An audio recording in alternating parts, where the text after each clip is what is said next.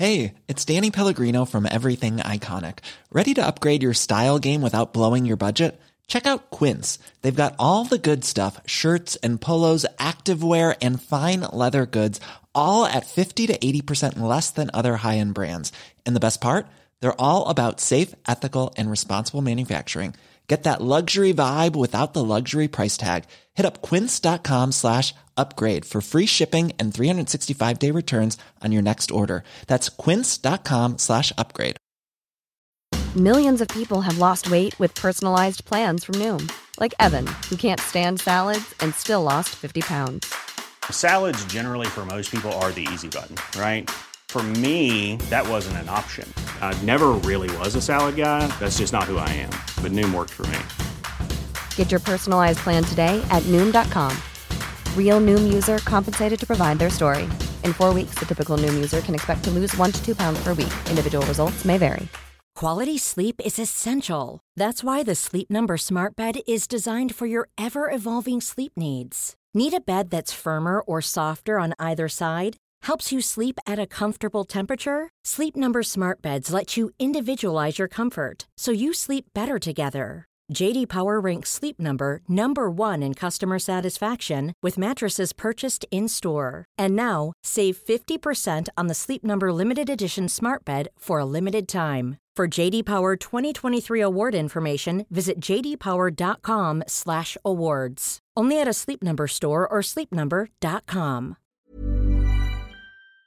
I can discuss some of the psychological aspects of the case. You've got to get a hold of yourself. Now look here, Johnson, I'm going to get to the bottom of this.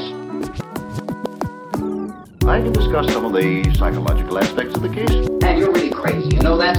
Oh, yes, I remember that. Is this any concern of yours? Stop, stop, stop it now. I mean it. Ja, hei, det er psykolog Sondre Livre her. Diagnosen er dessverre svært alvorlig. Det viser seg at alt du tenker og føler er feil. Du må for all del ikke stole på hjernen din, den lyver. Alt du opplever er filtrert via nevroser fra ubevisste avkroker. Hvis du følger nøye med, er det en liten mulighet for at jeg kan hjelpe deg. I'm can discuss some of the I can discuss some of the I can discuss some of the psychological aspects of the case. Well, I'm just losing my mind, that's all.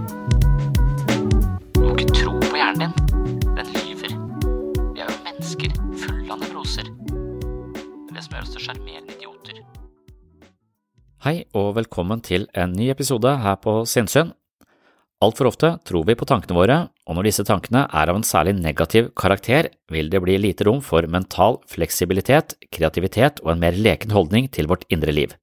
Vi tar ting personlig, håndterer kritikk dårlig, blir lett mismodige og fanges av tanker som tilskrives en altfor stor betydning. I denne episoden skal jeg dra veksel på ACT-teorien, altså Acceptance and Commitment Therapy, og snakke en del om det som heter fusjon og defusjon. Fusjon betyr at vi rett og slett er for tett på tankene våre. Vi vikler oss inn sammen med tankene, sånn at vi tror at tankene og kanskje følelsene våre representerer virkeligheten på en direkte måte, og vi glemmer at det vi produserer av opplevelser av oss selv og verden, er evalueringer og ikke absolutte sannheter. Og det er jo da igjen en ny variant av dette jeg pleier å mase om, alt du tenker og føler er feil. Og det er jo ikke riktig det heller, det er mer ment som en slags intuisjonspumpe som skal få oss til å tenke litt mer på at tankene og følelsene våre, de må vi kanskje eh, vurdere et par ganger og ikke tilskrive de for mye tyngde, spesielt ikke de negative tankene, for da kan livet bli ganske tungt å leve. Så vi tillegger altså verden utenfor oss selv positive og negative egenskaper, og når vi er sammen med andre, så er vi ofte uenige om disse egenskapene, og det kan kanskje minne oss på at vi evaluerer og ikke snakker om absolutte egenskaper. Vi evaluerer også våre opplevelser og oss selv. Angst og tristhet er ubehagelige følelser, men også verbale kategorier som vi kan evaluere som gode, dårlige, fæle eller utholdelige eller noe annet. Problemet er at vi kan oppfatte slike evalueringer som absolutte egenskaper ved opplevelser og oss selv, og ikke som nettopp evalueringer. De fungerer bokstavelig. Vi reagerer på dem som om de var absolutte egenskaper som er uavhengig av vår evaluering. En redd person som konstruerer et skremmende miljø, eller tenker på miljøet rundt seg som farlig, oppfører seg som om det skremmende miljøet er oppdaget og ikke konstruert. Tanker og virkelighet blir ett. Dette kalles for kognitiv fusjon og er grunnlaget for særlig to problemer – unngåelse og uheldige forklaringer. Dessuten hindrer det en mer fri og kreativ mentalitet som ofte er kjennetegnet på god psykisk helse. Så for å kunne være litt mer fri, for å være litt mer kreativ og nysgjerrig på vårt indre liv, så må vi ikke tro at vårt indre liv er en absolutt sannhet om oss selv eller det som skjer rundt oss. Hvis vi forstår tanker og følelser som absolutte sannheter, så vil vi ha et ganske anstrengt liv, det vil være vanskelig å leve, det vil være vanskelig å leke, og andres kritiske tilbakemeldinger vil slå ned oss som en kniv i selvfølelsen. Så mitt mål og mitt mantra med mye av denne podkasten, det er jo å installere denne ideen om at alt vi tenker og føler, i beste fall bare er litt riktig, eller sagt på en annen måte, det er evalueringer og ikke sannheter. Og det er også tema for dagens eh, episode. Det er eh, gjennom metaforer, paradokser og mindfulness-orienterte øvelser vi kan lære å møte grubling, bekymring og de ubehagelige følelsestilstandene som følger med, og godta de sånn som de er, uten frykt, unngåelse eller kontroll. Og det er først når vi klarer å gi slipp på tanke- og følelseskontrollen at vi kan oppnå en psykisk fleksibilitet, eller en psykologisk fleksibilitet. Og denne psykiske fleksibiliteten det er et av hovedtemaene i denne acceptance and commitment-therapien. Så vi må altså skjønne at det å være fusjonert med tanken, altså tett på tanken og tro at tanken representerer virkeligheten i et én-til-én-forhold, det er eh, sjelden en god strategi i møte med oss selv eller livet. Og defusjon, det betyr rett og slett at vi får litt større avstand til disse tankene og ser at hjernen produserer tanker i ett kjør, og at disse tankene ofte er eh, litt eh, ad hoc konstruerte, og at de ofte fungerer som et slags ekko fra tidligere erfaringer, og de er filtrert via en haug av nevroser, unngåelsesstrategier og mye annet, masse tankefeller osv. Derfor så må vi ta tankene våre med en klype salt, og hvis vi klarer det, da har vi oppnådd en type frihet som borger for ganske god psykisk helse. Så velkommen til en ny episode av Sinnssyn. Ja, lek som et veldig viktig element, kanskje spesielt hos barn, men også hos voksne. Virker som om leken har en tendens til å forsvinne. Av ulike årsaker. Kanskje vi kan prøve å finne litt ut av de årsakene. Det er en forskjell på, på små barn og voksne. I den forstand at små barn lever jo i Hva skal man si, de lever jo i verden. Mens eh, etter hvert som vi får språk, så flytter vi jo litt ut av den virkelige verden og inn i den språklige, konseptuelle virkeligheten. Så vi lever langsomt mer i, i språket og i tanker og ideer, hvordan ting skal være. og Istedenfor å være her og nå, så er vi om litt lenger fram i tid. Eller tilbake på noe som har skjedd. Da forsvinner litt av den umiddelbare tilstedeværelsen i verden. Men det er også litt det som barnet får etter hvert språk, og, og så nå begynner å leke med språket. Og har, leken er dette rommet mellom barnets indre liv og den virkelige verden der ute. Og det å være trygg nok til å, til å leke her ute, det vil eh, ruste oss til å møte livet også. Så det kunne ha et rom for lek, det tror jeg, helt, eh, det tror jeg nesten det viktigste for psykisk helse. Og med en gang ting blir for alvorlig, så blir det ikke lenger noe gøy. Og all nysgjerrighet og vitalitet forsvinner. Og så handler det om blodig alvor. Det, vi går liksom fra å leke krig til å være i krig. En ordentlig krig er ikke noe gøy. Men å leke krig kan være ganske gøy. Og det er litt sånn at de menneskene som kommer inn hit, opplever også at de har en krig inni seg. I tanker og følelser. Det er en krig. Noen er også i aktiv krig med andre folk. Det er ikke fullt så vanlig. Ofte så foregår krigen i den ikke i den virkelige verden, men i den språklige, konseptuelle verden. Så krigen er ikke lenger i Det er få her som eh, går rundt med maskingevær for de er redd for å bli skutt. Da pleier de ikke å være her, da pleier de å være der nede på andre siden. Så, men de kommer likevel med, en, eh, med, med, krig inni seg, og da er det ikke så mye rom for, eh, for lek. Og da tenker jeg at uh, her er det kanskje denne ACT-modellen, denne Acceptance and Commitment Therapy, som har uh, mest sånn å si om dette, kanskje, eller fordi de ligner så på de østlige visdomstradisjonene. Men uh, de snakker veldig, veldig mye om at problemet vårt, som jeg også snakker veldig mye om, uten at jeg visste at det var et ACT-konsept, at problemet vårt er at vi tror på tankene våre, og vi tror på følelsene våre. Og med en gang vi kommer for tett på de, så blir det på ramme alvor. Og de sier at vi fusjonerer med følelsene, eller med tankene. Og en fusjonering med tankene betyr at de får en slags absolutt bestemmelsesrett over livet, livet vårt. Så veldig mye av den ACT-modellen går ut på å defusjonere, som de kaller det. De lager sånne rare ord på det. Defusjonere, fusjonere. Være vikla inn i tankene sine. Defusjonere. Koble seg litt ut fra, fra tankene.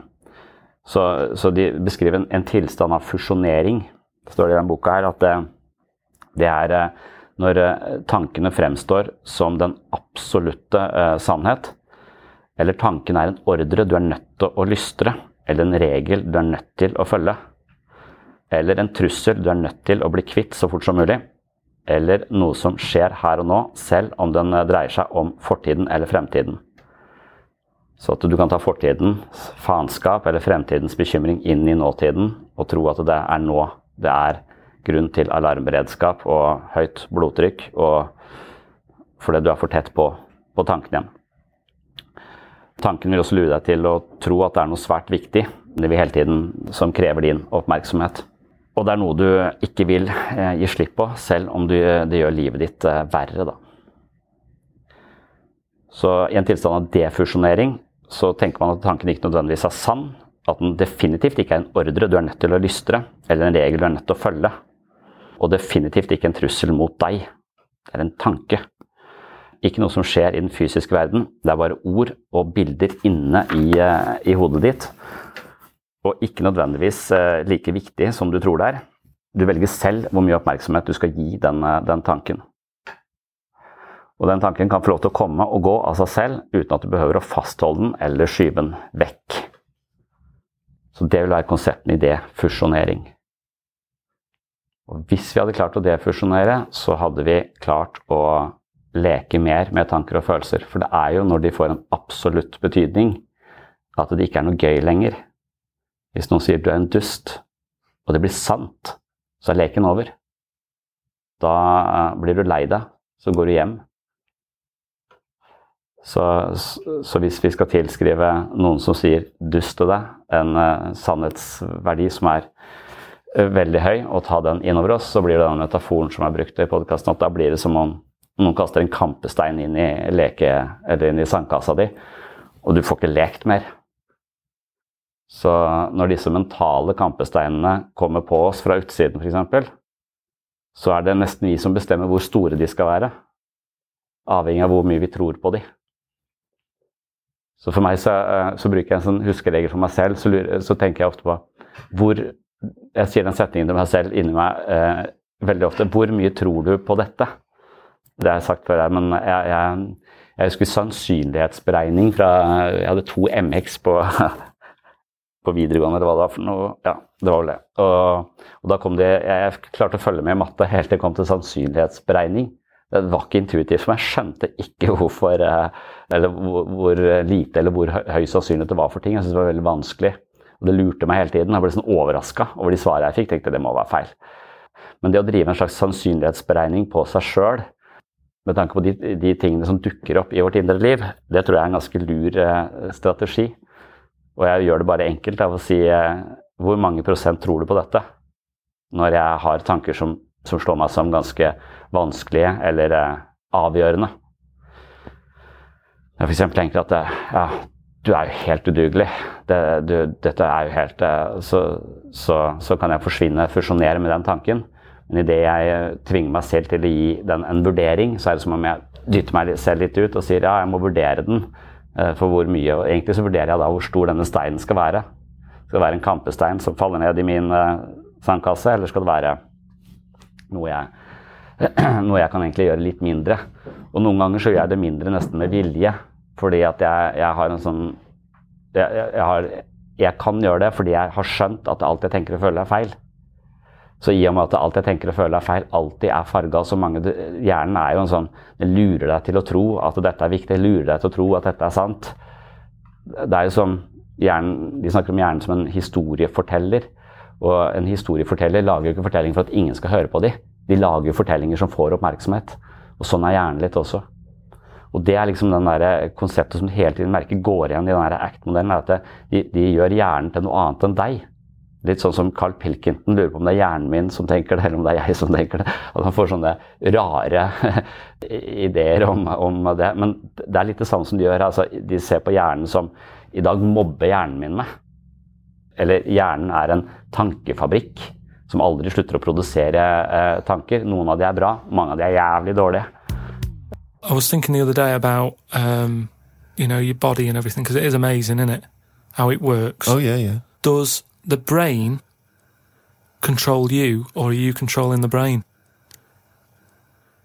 I don't know if I'm in charge of mine.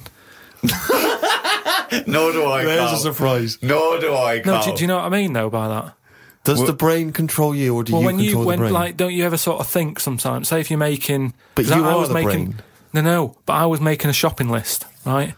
Going, right, I need some uh, rice, uh, kidney beans, uh, and I thought I had everything, and I sort of was rolling up the paper, and then then something went, oh, an onion. Your Some- brain did something that. went an onion. Was it No, Suzanne? well, my brain, my brain sort of went, you forgot something. Yeah. I, I didn't think I'd forgot. I was No, no, you that- are your brain. No, no, but don't you understand? The brain, my brain was in. I was in control of my brain when I was writing down rice and kidney beans. But you're not in charge of the onion. That's another part of the brain that's in charge of the the onion. onion, the onion sector. no, but I'd put the paper away, putting my coat on, ready to go, ready to go and get the well, yeah, rice. but yes, but yes, but your onion lobe kicked in. What? So you you put the paper in your pocket, you got the coat on, then you just suddenly hear Then from it nowhere, was just like it was onion. like yeah. I'm not. I'm not even thinking about that shopping list. It's in my pocket. I'm thinking, do I need my gloves? It's cold out. Yeah. Suddenly, onion, and it was like, oh yeah, onion. Yeah, I had to get the paper out. You So what I'm saying is, who's in, the- who's in charge? The brain, the brain, the mind, the brain is the. What are you doing? But Who's in that's charge? just you forgot you forgot the onion, then you remembered the onion. You must have forgotten things in the past. No, but not not like that. Not where, like it just made me think that was weird. Who, who reminded me of that? You did. Yeah, but I'm not. No, you are your brain. It's not like there's you, then there's a brain, then there's an extra one looking down at it. uh, Oh, the, the you know the, the the meta brain, the thing above it. No, but your brain. You. How does your brain work? you give it information, don't you? Well, it takes. Do you mean you give it information? Well, Well, if, if I if isn't I it? sat in a room with nothing, not feeding it anything, it wouldn't know anything. No, but it, it, there's this thing But that there's two yous. It's this thing that there's There's this, Carl and Carl's brain. Yeah, there's there's not there's not a duality in this. If you if, if you go if you go, come on, come on, now think. That's the brain saying that to itself. It's it, it's not there's not two people in there having an argument coming, come on, brain. And the brain's going, oh, don't you start. I was thinking then. And the other thing's going, brain, onion. And the brain goes, Carl, onion. You are your brain. If you are anything, you are you are your mind, your brain, your collection of memories, your personality. You're not what you look like. Does that answer your question, Carl? Uh, What do you think of then? You were thinking of a tortoise on a skateboard then when I did that last sentence, weren't you? Sånn at det, alt dette som, eh, som foregår der inne, det fremmedgjøres litt. Og noen gir jo hjernen sin et navn. Som om det er noe annet enn en selv. For, for det, det skal skape nettopp det rommet, sånn at det, de tankene som dukker opp, ikke blir så altavgjørende. Og, og for å klare det der, så har de sånne, de har sånne strategier i strategier i terapien. Jeg har en veldig god venn som er sånn ACT-terapeut, og han har så mange sånne rare måter å si ting på. Men, men, og jeg, jeg klarer ikke å gjengi dem, men, men en av de tingene han er opptatt av, er at eh, han, han driter i sannhet. For han, eh, som meg, egentlig tenker at sannhet er uoppnåelig. En absolutt sannhet er ikke tilgjengelig for oss, fordi uansett hvordan vi skal forstå ting, så vil det fortolkes. Så dermed så har vi aldri den direkte tilgang til ting sånn som de er. Det må alltid fortolkes av oss, og der forkludres eh, masse, masse ting. Så istedenfor å være opptatt av hvorvidt ting er sant, så, så er han opptatt av om det har nytteverdi. Så med eh, klienter som ofte påstår at ja, men det er jo sant.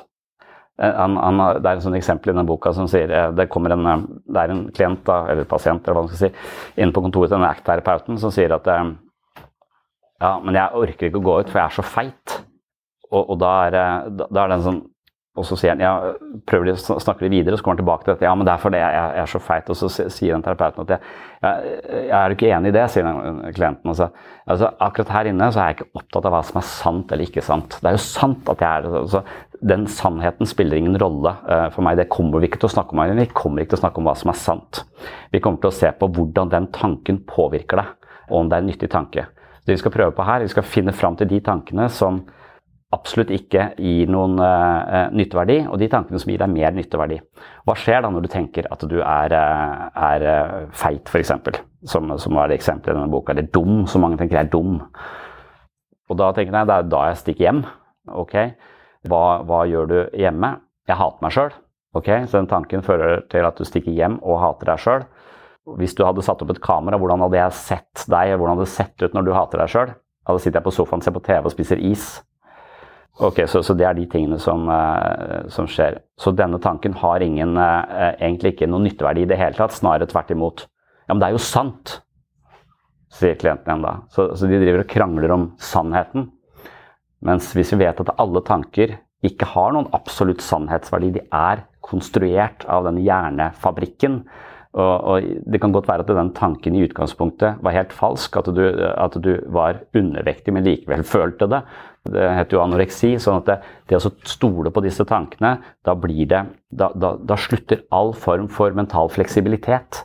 Det går ikke an å tenke nytt om det, for det er sånn det er. Det er jo sant. Da er du fusjonert direkte med, med, med tanken. Og det er det motsatte av lek. Da. Så vi må klare, for å kunne leke, så må vi eh, abstrahere bort fra det. Hvis, vi kan, hvis, hvis, hvis med en gang leken på, på hjørnet med pinner som er maskingevær, blir at vi slår hverandre i huet med de pinnene så vi begynner å blø, så er det ikke lek lenger. Det har blitt for alvorlig, og det er ikke gøy. Og Sånn er det med tankene våre. også Med en gang de blir for alvorlige, med en gang de får for mye skal reflektere virkeligheten på en absolutt uh, måte, så er det ikke lekent. Uansett. Så det å tro på uh, hjernen sin er dumt. Det å defusjonere fra de tankene må være veien til et mer fleksibelt liv, til et mer fleksibel måte å fungere på. Og da har de masse sånne rare teknikker, og de sier sånn Ikke ta opp kaffekoppen, ikke ta opp kaffekoppen, ikke ta opp kaffekoppen, ikke ta opp kaffekoppen. Og så hjernen min sier at jeg ikke skal ta opp kaffekoppen. Jeg gir faen. Jeg tar den opp likevel. Altså, jeg trenger ikke å forholde meg til det hjernen min, uh, min sier. Og sånne defusjoneringsteknikker skal liksom overbevise oss da, om at disse indre, indre prosessene ikke må tas uh, i en sånn absolutt uh, forstand. Så De har også et sånt bilde, sånn typisk act-bilde. Det er at hvis du, hvis du holder hendene dine sånn, med fingrene fra hverandre, og så legger de over hverandre sånn, og så putter hendene opp i trynet på deg sjøl og ser utover, så vil du se litt, men du ser veldig uklart. Så hvis du skal gå rundt i verden sånn, så vil det være vanskelig å manøvrere, altså med hendene rett opp i trynet. Men hvis du tar hendene lenger og lenger fra, så vil du få bedre og bedre oversikt. Og det er det samme som tanken. Altså dette er en direkte analogi til, til tanken. Altså når det er tanken, så er det som å gå gjennom livet sånn. Du tanken, får du litt mer avstand til tanken, altså ikke så tett på den, ikke fusjonert med den, defusjonert med den, så vil du få en mye mye større oversikt og overblikk over, uh, over livet ditt. Jeg husker en uh, lege som snakket om dette med mindfulness, for dette ligner litt på mindfulness. og ikke observere tanken, ikke være tanken. ikke sant? Det er jo det samme som mindfulness, dette her. Og han, han, pleide også, når han hadde pasienter på kontoret som eh, trodde for mye på, på tanker og, og, var for tett på problemene sine, på sett og vis, da, fusjonert med opplevelsen av hva de, de, feilte, så hadde han sånn stol med hjul på, så han rulla helt opp i trynet på dem. Og så satt han sånn Syns jeg er litt tett på nå? Og så er det sånn helt oppi, det var før korona, jeg kunne ikke gå så tett oppi da. Og så sa han sånn Ja, er det, og så ruller han Er det bedre hvis jeg er her borte? Ja, akkurat det samme er det med problemene dine. Det er mye bedre hvis jeg er litt her borte, litt på avstand, for da har du en mye bedre oversikt og mye større handlingsrom. Mens du har problemene dine helt oppi i trynet. Du har tankene dine helt oppi, oppi trynet. Så det hadde kanskje ikke så mye med lek å gjøre, men jeg tror at det, forutsetningen for å leke er at tankene ikke har en absolutt, får en absolutt verdi, eller at vi fusjonerer med det. For hvis vi ikke fusjonerer med tanken, så kan vi også leke med tilbakemeldinger og opplevelser uten å tenke at dette blir veldig farlig. Så man kan gi hverandre tilbakemeldinger og si hvordan man opplever hverandre, som er terapiprosjektet, da, uten at den tilbakemeldingen jeg gir, vil falle ned i den andre som en kampestein. For hvis den gjør det, så har vi mista leken. Og der tror jeg jeg ofte misforstår at jeg kaster ting ut på folk uten å forstå at de ikke helt har uh, fått med seg at alt de tenker og føler, er feil. De tror fortsatt at alt jeg tenker og føler, er riktig. Selv om jeg har presisert gang på gang at jeg er full av nevroser. Alt jeg opplever, er feil. I hvert fall, eller det er, ikke, det er ikke 100% feil. Det er veldig få ting jeg sier som er 100% feil. Jorda er flat, for det er 100% feil. Men, men det er alltid en eller annen skalering her. Noe kan være tettere på virkeligheten enn andre ting.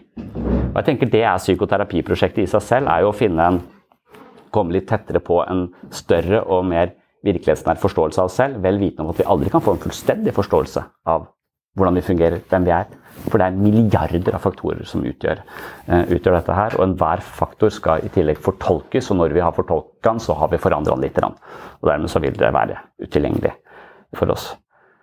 Men når jeg da kaster ut opplevelser av, av, andre uten å være litt sånn sensitiv for om dette er lekent eller ikke Hvis ikke det er lekent, så blir det bare da blir det mobbing. Altså, det er forskjell på, på å leke og mobbe.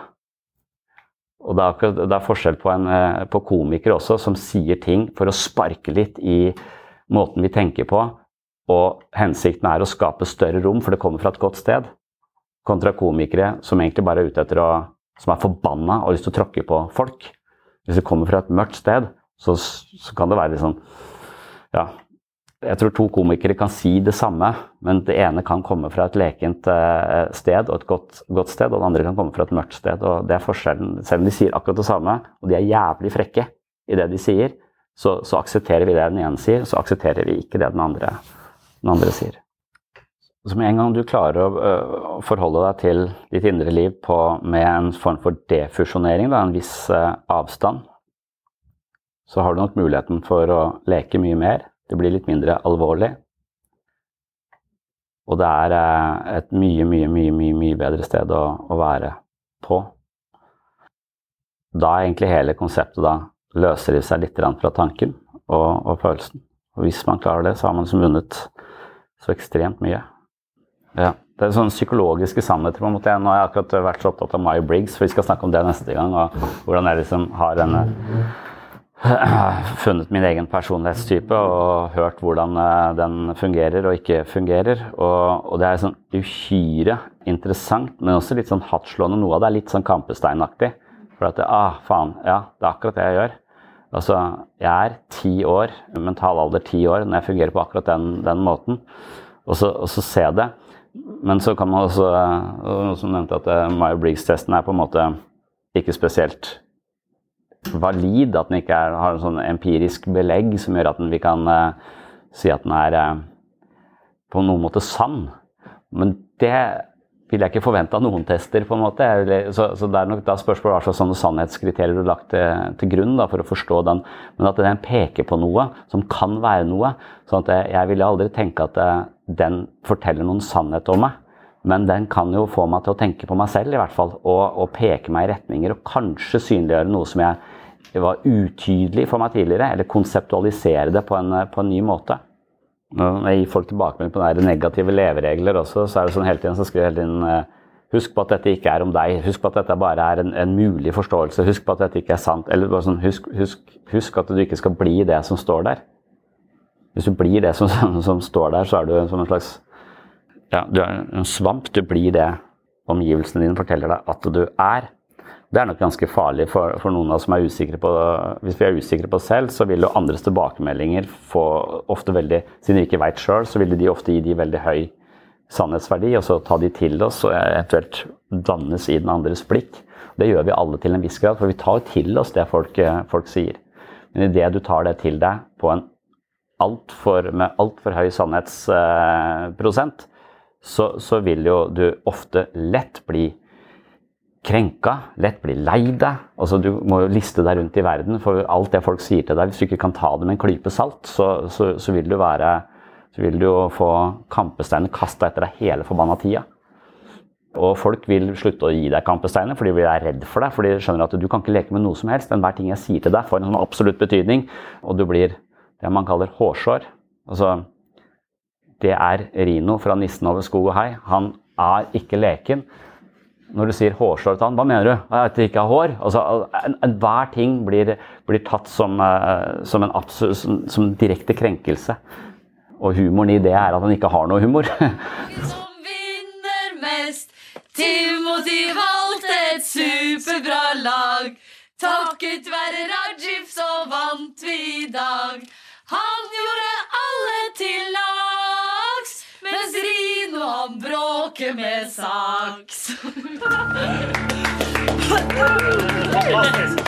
Takk for det. Det var veldig hyggelig å få i pleisen. Uh, altså, herregud, altså det, det, var jo bare morsomt ment, det der. Ja, sikkert veldig morsomt. Det er sikkert en veldig morsom tekst for alle som ikke ble rammet av den. Men uh, ikke så morsomt for det, de som ble dritt ut i den teksten. Rino, må slutte å være så hårsår. Hmm? Du er så hårsår. Hårsår? Ja. Hva, hva, hva, faen har, hva har det med saken å gjøre? Hvem som er hårsår og ikke? Det Ikke sånn, da. Det er jo et uttrykk for at man tar seg lett nær av ting. Hårsår er et uttrykk for at man tar seg lett nær av ting. Ja, det er, ja, det er jo veldig logisk. Det er ja, bra det er sagt, ikke så Marte. logisk, men det er et innmari vanlig uttrykk som veldig mange Ja, bruker. hvis hårsår er så vanlig uttrykk, hvorfor har jeg aldri hørt det før? Man merker at det har begynt å danse seg små klikker her nå, og det er for så vidt greit.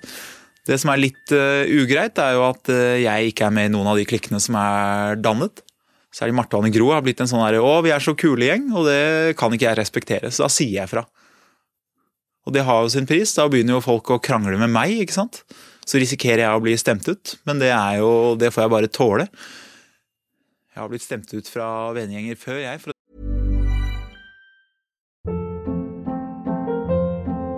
Hold up. What was that? Boring. No flavor. That was as bad as those leftovers you ate all week. Kiki Palmer here, and it's time to say hello to something fresh and guilt-free. Hello Fresh. Jazz up dinner with pecan-crusted chicken or garlic butter shrimp scampi. Now that's music to my mouth. Hello Fresh. Let's get this dinner party started. Discover all the delicious possibilities at hellofresh.com.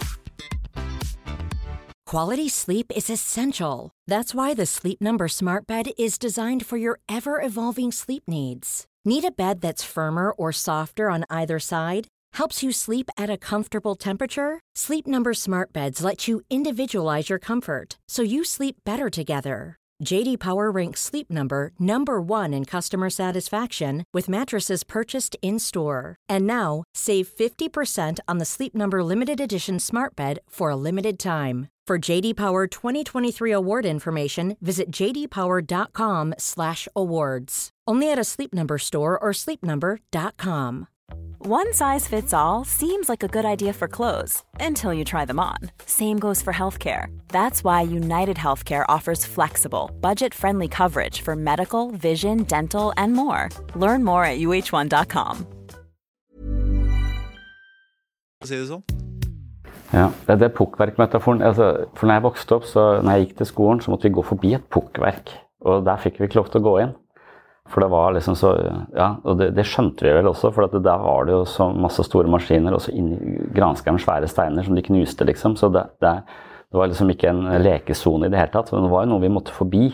Og det utvida seg, ble større og større. Det tok jo vekk mer og mer av fjellet, liksom. Så det var stadig lenger man måtte gå for å komme seg rundt det der jævla pukkverket, egentlig.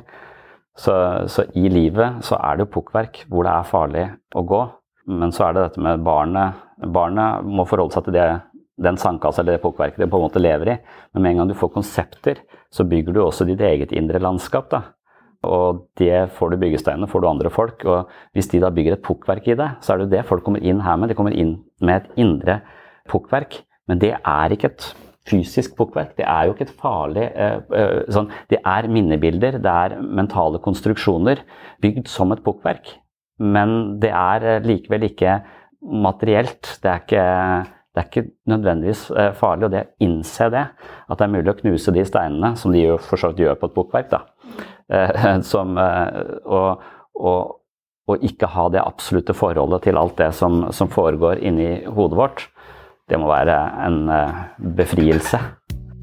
Og så da kan man si ja, men eh, det er lett å si, men jeg lever jo i et pukkverk. Jeg har jo alt dette her eh, rundt meg. Ok, det er et annet problem. Hvis du bor på pukkverket, så må du flytte. Det er livsfarlig.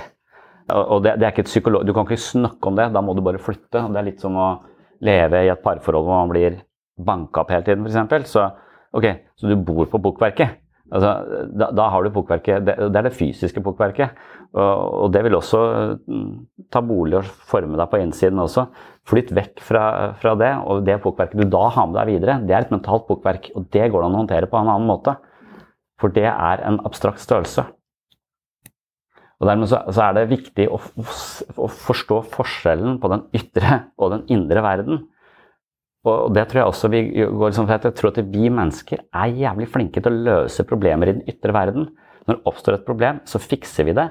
Og vi fikser så mange ting, og vi lager så mange ting at vi får stadig lengre levetid. Vi lager medisiner, vi lager vaksiner. Vi lager ting og løser problemer i den ytre, ytre verden, sånn at vi får lengre levetid, sånn at vi får mer komfort, lettere å leve, mer eh, gadgets, på en måte. Vi fikser ting der ute. Så ting blir bedre og mer, mer behagelig for oss hele tiden. Og når vi bruker den samme strategien innover, så, så er ikke det nødvendigvis eh, det, det, samme når vi håndterer vårt eget indre liv som om det var den ytre, ytre virkeligheten. Så, så, har vi ofte strategier som er problemløsende og fornuftige, eh, hadde det vært der ute. Men når det er her inne, så vil f.eks. jeg får angst av å være på fest eller eh, med mennesker jeg ikke, ikke kjenner. Løsning ikke gå på fest eller møt mennesker du ikke kjenner. Løsning to drikk så mye at du ikke, ikke klarer å tenke på den festen. Eh, løsning eh, nummer tre eh, spis masse piller. Altså, det er mange løsninger folk har som er veldig fornuftige, effektive. Nå har vi løst det problemet. Jeg har ikke angst på fest lenger. Jeg husker ikke festen heller. Men, men, men jeg var der. Så at veldig mange av de strategiene vi bruker for å løse Problemet på innsiden er da noe som er ganske effektive, men såpass midlertidige. For det vi skal ikke Altså, vårt indre liv er ikke noe som vi bør prøve å problemløse på samme måte som vi problemløser der ute. Vi bør bare eh, innse at eh, det som dukker opp i denne hjernefabrikken av tanker og følelser, noen av de kan vi eh, lytte til, men vi kan velge hvem vi skal lytte til. Og vi bør vurdere hver enkelt tanke av de som er veldig viktige, i, i, kraft av hvor mye sannhetsverdi har denne. Og, og, da er denne ideen som noen har, at ja, men jeg må, skal bare tenke positivt. Altså, det, er, det er helt umulig, for hjernefabrikken din kommer til å konstruere tanker hele forbanna tida. Det er helt umulig å stoppe den. Om den produserer positive eller negative tanker, det er helt umulig for deg egentlig å påvirke. Altså, så, så det, er, det, er, det, er, nok jeg tror mange tror at de skal prøve å påvirke eh, fabrikken, men fabrikken er så kompleks og skaper så mange, mange, ting at det å prøve å kontrollere den er stein umulig. Så istedenfor å kontrollere hjernefabrikken din, ta heller og skjønn at det hjernefabrikken produserer av tanker og følelser, trenger du ikke nødvendigvis å forholde deg til. Og det er ingen absolutte sannheter. Så istedenfor å endre tanken, endre forhold du har til tanken. Og eh, forhold du har til følelsen. For hvis du tenker at du skal bare få hjernefabrikken til å produsere bare de hyggelige tankene, ikke de negative tankene, så blir du for det første et overfladisk menneske. Og, og for andre så er det like håpløst som å prøve å få ansvar for at det, det er ditt ansvar at det ikke er bølger på havnebassenget nede i Kristiansand sentrum her. Lykke til. Hvordan skal du gjøre det, liksom? Og det er omtrent like vanskelig å stoppe sin egen hjerne fra å tenke ulike, ulike tanker. Den må bare få lov til å fortsette å holde på. Og så produserer den alt mulig rart. Bare ikke tro på det. Så det å slutte å bry seg om tanker er sanne eller ikke, vil være en ganske smart ting å gjøre, da. Sånn i hvert fall på det psykologiske planet. Det var litt det samme som vi snakket om da vi hadde den fri vilje-tematikken. altså hvis det viser seg, altså hvis filosofer kan overbevise deg om at vi ikke har noen fri vilje, som virker ganske sannsynlig Hvis du ser på forskning, så er nesten alt vi foretar oss styrt av krefter vi ikke er klar over. Og det at vi tror at vi eier de handlingene, det er fordi vi tar eierskap til det idet hjernen allerede har bestemt hva vi skal gjøre på et ubevisst nivå som vi ikke er klar over. Sånn at eh, Eierskapet til tanken vår kommer i etterkant av at den allerede har bestemt en handling. Så Sånn sett så er, disse, så, er vi, så er disse handlingene våre influert av så mange faktorer og så mange påvirkninger og så mange biljardkuler som har truffet oss helt fra vi ble født og helt tilbake fra the big bang, så er vi egentlig ikke herre over noe som helst. Men den ideen der er ikke sunn. Så, så det, er, det, er, kanskje en sann tanke at jeg ikke har noen fri vilje, men den tanken har ikke noen nytteverdi. For hvis jeg begynner å tenke at jeg ikke har noen fri vilje, så slutter jeg å ta ansvar for livet mitt. Eller sjansen for at jeg gjør det, er veldig høy. Så selv om det er sant, så har det lite nytteverdi. Og det vil faktisk også påvirke virkeligheten. Og det vil jo den derre 'jeg er feit'-ideen også, for det, det, fører jo til at han blir sittende hjemme og spise is. Så, så det er nesten selve ideen er jo men det er ikke det at ideen ikke har noen påvirkning på den ytre virkeligheten. Den vil jo også langsomt også materialisere seg, i verste fall, i den ytre, ytre virkeligheten. Når vi tror på den. For da er det ikke noe lekenhet, det er ikke noe fleksibilitet. Du handler på ideen 'jeg er, jeg er feit', og det er selve ideen i det eksempelet som gjør vedkommende Altså gå hjem, vil ikke være blant folk, sitter stille, ser på TV, spiser is. Altså hele Det er ingen, absolutt ingen nyttig tanke, selv om den tanken La oss si at vedkommende er drastisk overvektig. Så er den så å si, Ja, men det er sant. Det spiller ingen rolle. Og det gidder jeg ikke å diskutere med deg engang. For med en gang vi begynner å diskutere hva som er sant i verden, så har vi blitt en politisk debatt. De kommer ikke av flekken. Det er jo komikere som jeg tenker er en, det er en måte å leke med konsepter og ideer på. Det er som lekekassa i den konseptuelle virkeligheten. Og så er det også Ja, så det er en For det liksom kan, kan være med på å hjelpe oss eh, ut av litt sånne lås, fastlåste fusjonering med tanker. For det, det gir liksom no, Humor gir jo gjerne sånn lite mentalt elektrosjokk, nærmest. For det er ofte en annen litt overraskende vri på, på, på situasjonen som får oss til å tenke Oi, det er det overraskende elementet som tar oss ut av den stereotype tenkningen og den der eh, fastlåstheten ved ulike tankemønstre.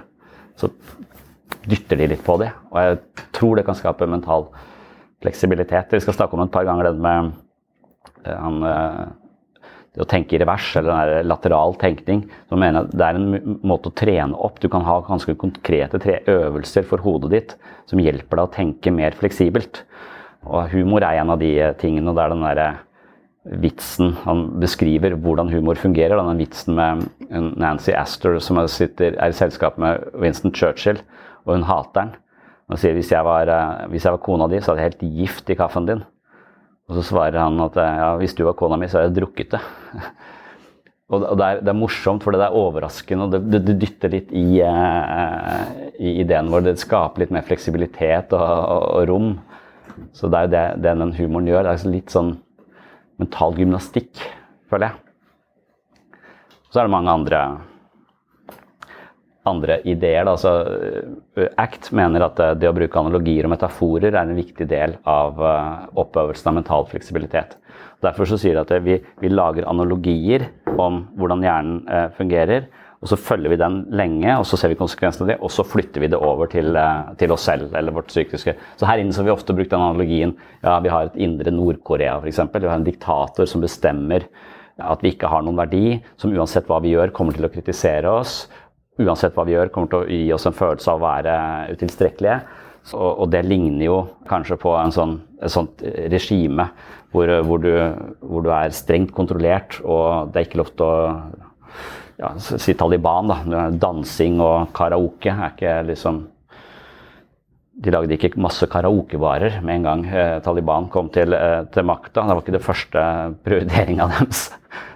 så, så det, det, man, de, de, vil ha minst mulig lek. Sånne, sånne strenge regimer vil ha minst mulig lek, men mest mulig eh, kontroll og stringens. Og det å se på det som en analogi til vårt eget indre liv, det kan også hjelpe oss til å se på vår egen indre diktator og, og fascist.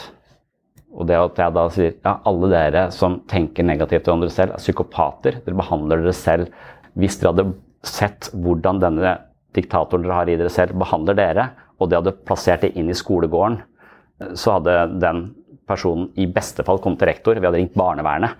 Her er en fyr som driver og trakasserer medlevene sine på en måte som er forferdelig. Jeg lurer på om denne, dette denne personen som trakasserer denne, den andre personen, må låses inne bak eller få et nakkeskudd. Det driver man ikke med i skolen. da, ikke folk nakkeskudd. Men, men hadde, hvis du hadde flytta din indre kritiker ut og sett hvordan du behandler deg selv, så hadde du fungert psykopatisk mot deg selv. Ikke alle hadde det, altså, men, men, mange har, opplever jeg, svært kritiske tanker om seg selv som de i tillegg tror på. Da har du konstruert dette et, et ganske godt og slitesterkt regime. Sånn som kanskje Nord-Korea er. Så jeg, jeg, lurer på om de Vi er verdens beste land å bo i.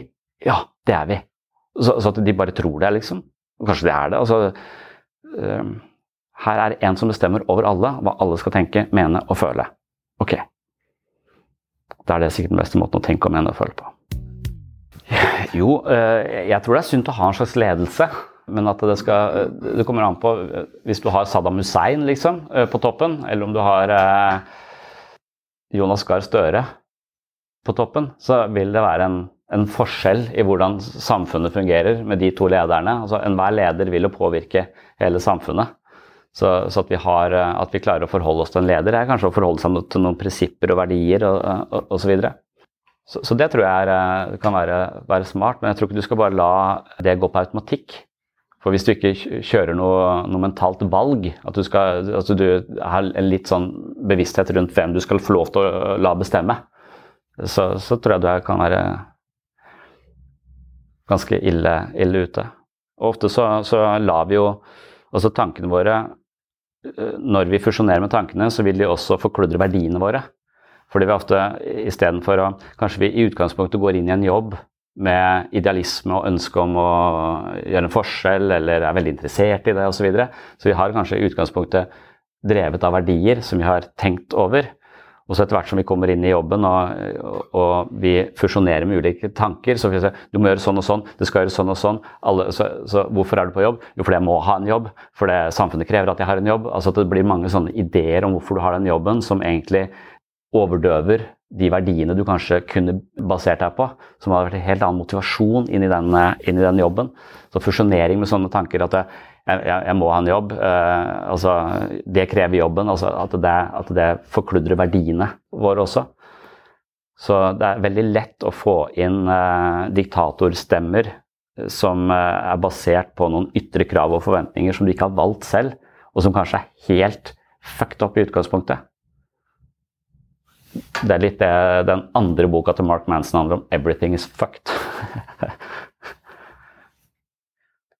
så, så det, det, man glemmer å lære barn, er at eh, alt det jeg sier til deg, er ikke sant. Altså, men vi blir jo mennesker i møte med andre, så vi, vi trenger jo da denne Altså, hvis du elsker et menneske, så lærer du det mennesket å elske seg selv. Og hvis du har overskudd til å elske en annen, så har du blitt elska selv. Så det virker som om det kan gå litt i og hvis du er et underskudd eller befinner deg i en situasjon hvor du mangler det overskuddet til å være til stede på en annen, så vil du indirekte fortelle den andre at den ikke har den ikke har så høy verdi, jeg er mer opptatt av andre, andre ting. Og da, da risikerer du den personen å adoptere den ideen om seg selv.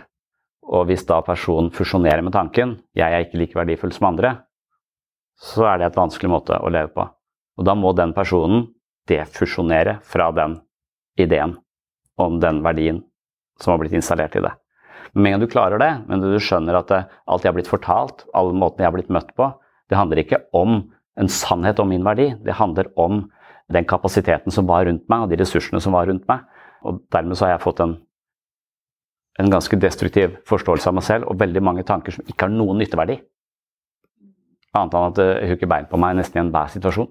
Så da kan det være at hvis du, tar, hvis du slår beina under din egen eh, tro på tankens sannhet, på en måte, så kan det være at du Hvis du hadde klart det, så kan det være at det, alt mulig annet hadde sett helt annerledes ut. Men, ja, og, og nesten alle arenaer er vel liksom på dette grenselandet mellom lek og virkelighet. Og, og, og, la oss si bare en boksering, da. Hvis du er på trening, så kan det være gøy, sikkert, for de som liker å bli slått i trynet. Sånn, eh, så, så, er, så, er, jo det en, en, avklart situasjon hvor vi leker, vi trener, vi har det gøy. Eh, vi velger boksing. Men med en gang er, slagene blir for harde, eller du tar konteksten, gjør den konteksten ut på gata, og du, du, du bokser på samme måte, men på blodig alvor, det er to helt forskjellige, forskjellige ting. Det, jeg tror, men jeg tror den samme misforståelsen gjøres her inne hvis man ikke er sensitiv nok, altså hvis man ikke legger opp til å huske på at dette er en slags treningsarena, dette er en lek, så, så vil de tilbakemeldingene falle så hardt ned i, i andre. Så istedenfor at dette blir en arena for uh, sparring i boksing for å bli, bli, bedre trent, så blir det et sted hvor du får juling. Og det, for det gikk opp for meg når jeg snakket med noen her, her om dagen. Liksom, vet, jeg, jeg, bruker ofte den metaforen eller ikke metafor, jeg bruker dette tankeeksperimentet når du sitter i en gruppe. Hvis du ser rundt deg nå, hvem hadde du tatt med deg på hyttetur, og hvem ville du absolutt ikke hatt med deg på hyttetur? Og det er jo en slags, Jeg tenker bare det på en slags intuisjonspumpe som skal dra i gang en slags prøve å tenke på hvordan er vi sammen, og hva er det med deg som gjør at jeg, jeg eh, ville hatt med deg umiddelbart, for det ville være komfortabelt. Men kanskje så trengte jeg egentlig ha med deg, for du er en sånn kaoskraft som jeg egentlig er redd for. Men hvis jeg skal utvikle meg, så trenger jeg mer kaos, for jeg er altfor uh, for ordensstyrt i mitt, mitt, liv. Så at man hadde valgt, så man ut ifra den tankeeksperimentet, hvem ville du tatt med deg på tur, kan begynne å tenke om relasjonen sin til andre. Mens hun kom og sa at hun hadde hun følte seg totalt utstøtt for at jeg ikke ville ha henne hun hadde, ikke, hun hadde forstått at jeg ikke ville ha henne med på hyttetur. Og da føltes det bare som en slags ekskludering, at jeg ikke likte henne. At hun var et dårlig menneske. Det ikke, så, hun, hun, så, det var ikke lenger en, en sånn lekenhet. Altså, jeg tenkte at du har en vitalitet som er vanvittig sterk, og som jeg helt klart hadde berika mitt liv. Men fy faen, jeg har blitt sliten på, på to dager med deg. Altså, det, jeg sa det kanskje ikke eh, sånn, men, men det er ikke fordi at det, det, er, det er like mye om min tilkortkommenhet som hennes vitalitet, eller hennes kanskje problem med at det blir så sterkt at det blir veldig slitsomt for alle. Altså, det er noe å lære i den, så lenge vi kan håndtere det lekent. Men en gang det blir en forståelse at det, du liker ikke meg, du vil ikke ha meg med, du vil sikkert ikke ha meg i gruppa engang. Det du sier jeg gir en sånn type språk til den eh, fornemmelsen jeg har når noen sier ja, jeg er nødt til å ta det opp med, ta det opp med personen. Eh, ja, vi er nødt til å sette oss ned og snakke om det. Shit, tenker jeg. Det kommer ikke til å føre noe bra med seg. For, det, for, for du sier det uten lekenhet. Jeg, har ikke tenkt på at det ikke er lekenhet der, men de der alvorspraten, fører den med seg noe bra? Altså, altså, jeg er helt enig, Det er mange ting som er vanskelig å snakke om, men hvis ikke vi har et slags manøvreringsrom der, en viss grad av lekenhet, så tror jeg vi fusjonerer med alle tanker og følelser som kommer vår vei, og vi kommer til å slenge de ut på den andre, og vi, er, vi havner i en større Så det derre Ja, du er nødt til å konfrontere personen. Jeg vet ikke om du trenger det. Altså, altså, det er i hvert fall min fornemmelse. La oss si at det er ting du bør ta opp i en barnehage med personalet. Og så hvis jeg, ja, jeg, skal, jeg forlanger et møte, jeg skal ha et møte og så skal jeg snakke med deg og så skal jeg si akkurat hva jeg, hva jeg mener. Faen. At du tør, tenker jeg. Det, det, det, høres ut som den dummeste ideen ever få sagt det på en eller annen romslig, litt leken, ta seg selv litt med i det. Det kan være oss, det kan være deg. Altså, kan vi utforske dette sammen? Kan vi skape et rom for hvor ikke du fusjonerer med en eller annen tanke om at jeg syns du er en dust barnehageperson? Så, så, for det, det, det, vil ikke føre med seg noe som helst, tenker jeg. Så, så, hver gang folk sier ja, ok, da må jeg gå hjem og ta det opp med en person', Lykke til, tenker jeg da. Eh, eller eh, hvis ikke det er noen lekenhet der, så, så, tror jeg ikke det, det, går. Jeg tror det er viktig å snakke om det, men hvis du er nødt til å ha inn en eller annen form for denne fleksibiliteten, da, som vi nå kaller lek, egentlig. Det er det samme som vi, vi, må snakke om det når kona mi sier det. Vi må snakke om det. Så får jeg, jeg får helt åndenød, liksom. Da tenker jeg, jeg sånn, får jeg ikke puste. Men siden jeg er såpass uh, introvert, uh, intuitivt tenkende, så, så, vil all min lek foregå på denne arenaen med tanker og ideer, konsepter og følelser. Mens hvis du skal ha meg inn på et dansegulv og leke med kroppen, som bare er en slags hylster for tankene mine, så har jeg ikke så mye å komme med. For å si det rett ut. Ja, det, er, det, er, hyperaktive. Så, men ADHD Neste, neste gang skal vi snakke om man tenker, uklart hva, hvordan man skal forstå ADHD, men det finnes en psykodynamisk forståelse av ADHD, eller en, eller en jungiansk, som kommer til å eh, koble seg til denne Meyer-Briggs personlighetstest neste gang. For hvis du har en, eh, en, eh, en hovedfunksjon som er følende Jeg er en hovedfunksjon som er mer tenkende. Så jeg, jeg tenker uh, på ting, og jeg har også en ekstrovert føling som gjør at jeg sjøsetter prosjekter og bare får ting til å, å, å fungere og kan være veldig effektiv. Men hvis uh, hovedpilotene dine er følende, så vil du ikke gjøre ting med mindre det føles riktig. Så de som er følelsesstyrt, de vil ofte kjenne på er dette riktig, er det ikke riktig, føler jeg det riktig nå, osv. Det er veldig vanskelig for dem å få sjøsatt ting som de ikke syns er veldig spennende eller syns er veldig gøy. Jeg, ikke, jeg driter i om ting er gøy eller ikke gøy, jeg bare gjør det. For for meg så er det viktigste at jeg kan være inni mitt eget hode og ikke verden skal forstyrre meg, så jeg må bare gjøre det jeg må i den ytre verden. Eh, og, og, og, så gjør jeg det. Hvis jeg hadde vært følende, så hadde jeg sånn mm, ja, skal det, Føles det riktig nå? Føles det, riktig å, å, vaske opp nå? Nei, føles ikke helt riktig akkurat nå. Altså, det, sånn føler ikke jeg noe om i det hele tatt. Skru totalt av følelsen. Jeg bare gjør det som skal. Mens eh, de med ADHD har ofte følefunksjonen istedenfor um, for tenkefunksjonen. og det er også en andre, så, så, det er en type personlighet som, som, lettere får den diagnosen ADHD. Og så Da kan du tenke at det handler om en sånn type ja, personlighetsting, uh, og ikke nødvendigvis en hjernefeil, men mer en slags hvordan du orienterer deg i livet. på sett og vis da. Det er fordeler og ulemper med det. Ulempen er at du får ikke vaska opp. Fordelen er at du, du du kan være veldig De er ofte veldig inn i det de faktisk trives med. Da, da forsvinner jo oppmerksomhetssvikten. Den er jo til stede når, eh, når, de er veldig interessert i noe, men veldig lite til stede når de ikke er interessert i noe. Og da tenker jeg skjerp deg, bare gjør det. det skal ikke føles riktig!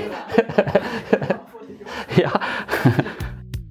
Nei, det er interessant, for jeg, jeg syns når jeg har vært så med det personlig, hvor mye det egentlig spiller inn på måten vi, vi, rett og slett observerer og fortolker verden på i det hele tatt. Altså, og, og, når man da ikke har den følerfunksjonen og ikke bruker den i noe særlig grad, men bare tenker og bare utfører ting, så virker det så lett. Fordi at jeg har kultivert den hele livet, og derfor er jeg god på det. Men det finnes også mennesker som har kultivert følelser hele livet og er jævlig god på det. Og, og, de er ofte lettere for altså, Når en følelse, følelsesperson og en tenkeperson møtes, så, skjønner, så tenker du faen, hvordan kan du være deg? Du, du, du, følger følelsene dine. De skifter jo hele tiden. Det er jo ingen kontroll på dette her. Mens det her, faen, du gjør jo bare det som skal gjøres hele tiden. Du virker som en maskin. Du virker helt kald. Har du noe glede i det hele tatt? Altså, så de to, de to personene forstår hverandre ikke. Og de trenger hverandre. Så det er jo fordeler og ulemper på begge, på begge sidene. Men jeg tror det Når du blir oppmerksom på disse ulike tendensene i deg selv, så tror jeg kanskje du også begynner å altså Ofte så tror jeg altså Ofte fusjonerer jeg med tanken og tenker at ja, det er riktig, det må du gjøre. Og så tror for mye på det. Men det er ofte da f.eks. styrt av disse preferansene mine. Da, for tenkning eller føling eller intuisjon eller sansing. eller det kaster mer lys over det. det. Hvis du forstår det, så blir du enda mindre Det er, det er en måte å defusjonere fra tanken på det for du vet at alle dine forslag og dine forståelser av det vil være så farget av din, den måten du er eh, skrudd sammen på, da, rent sånn eh, mentalt sett. Og det kaster lys over, eh, over måten vi misforstår hverandre på. Det er ganske mange ting som aldri føles riktig. F.eks. å vaske opp, skrive journal, jogge. Det er vel akkurat her at det er meditasjon som er liksom den hovedstrategien. da.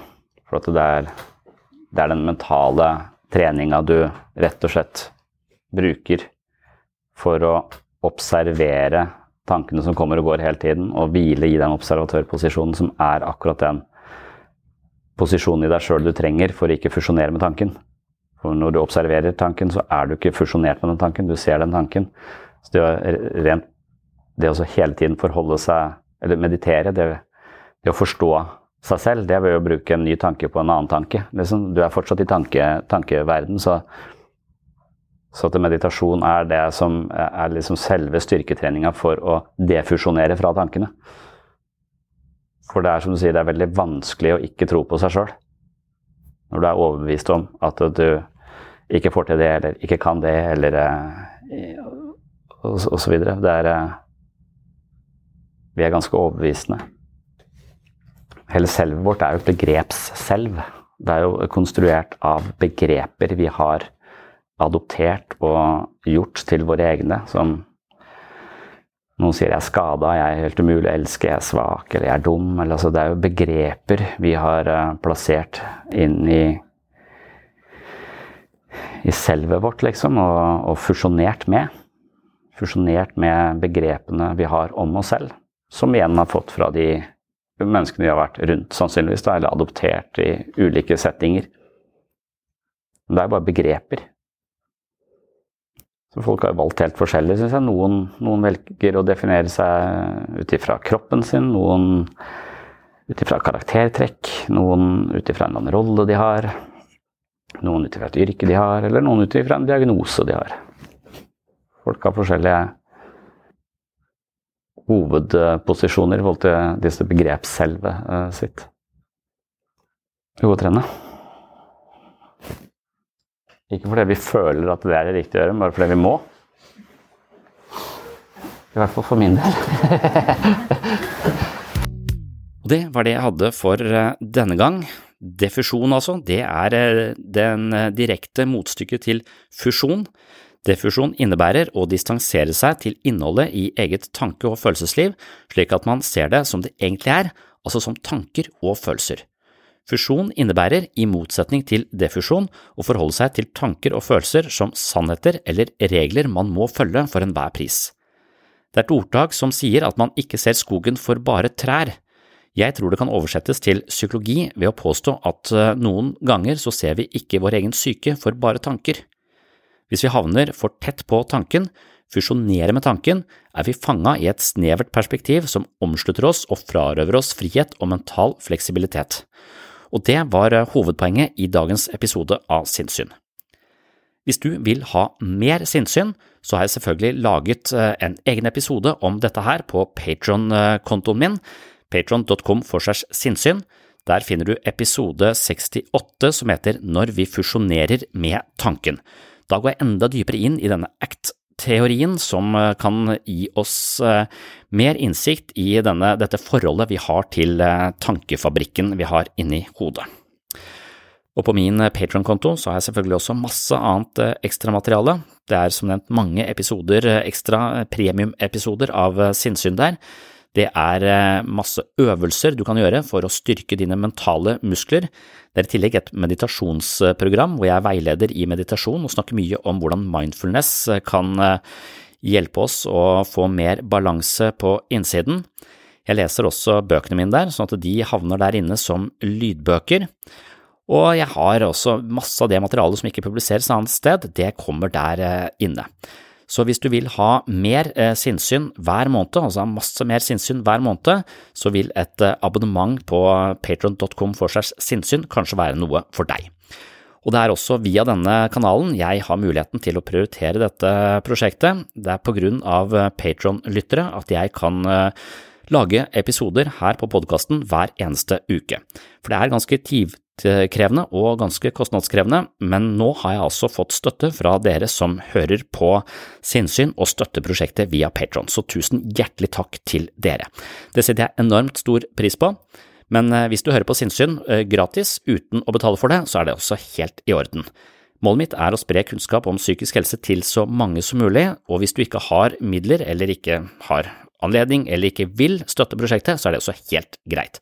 Mye av det viktigste jeg sier om menneskets indre liv, det havner her ute på den åpne podkasten, så du skal ikke føle deg forplikta til å betale for det. Men de som vil ha litt ekstra og ønsker å støtte prosjektet, de kan altså gå til patron.com for segs sinnssyn. Det var det jeg hadde for denne gang. På gjenhør i neste episode. Ok, folkens, da er det avmarsj om to minutter. Hvordan ligger vi an her? Det går bra. Et par ski igjen nå, så er vi klare. Ski? Smører dere ski? Ja. Med det her? Ja.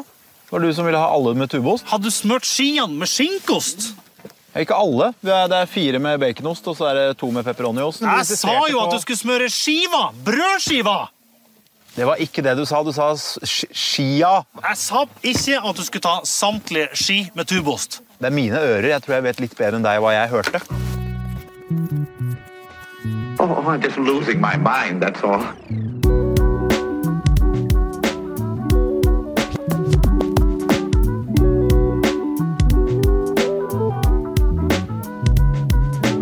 I can discuss some of the I can discuss some of the I can discuss some of the psychological aspects of the case. Psycho,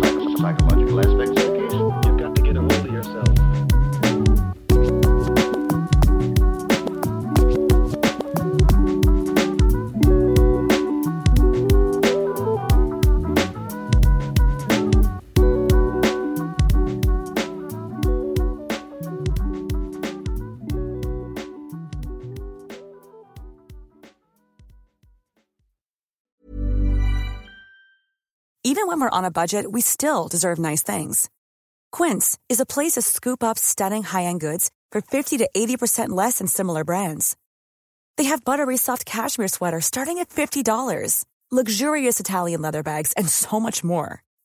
Plus, Quince only works with factories that use safe, ethical, and responsible manufacturing. Get the high-end goods you'll love without the high price tag with Quince. Go to quince.com slash style for free shipping and 365-day returns. Even when we're on a budget, we still deserve nice things. Quince is a place to scoop up stunning high-end goods for 50 to 80% less than similar brands. They have buttery soft cashmere sweaters starting at $50, luxurious Italian leather bags, and so much more. Plus, Quince only works with factories that use safe, ethical, and responsible manufacturing. Get the high-end goods you'll love without the high price tag with Quince. Go to quince.com slash style for free shipping and 365-day returns. Imagine the softest sheets you've ever felt. Now imagine them getting even softer over time. That's what you'll feel with Bowl and Branch's organic cotton sheets. In a recent customer survey, 96% replied that Bowl and Branch sheets get softer with every wash. Start getting your best night's sleep in these sheets that get softer and softer for years to come. Try their sheets with a 30-night guarantee. Plus, get 15% off your first order at bowlandbranch.com. Code BUTTERY. Exclusions apply. See site for details.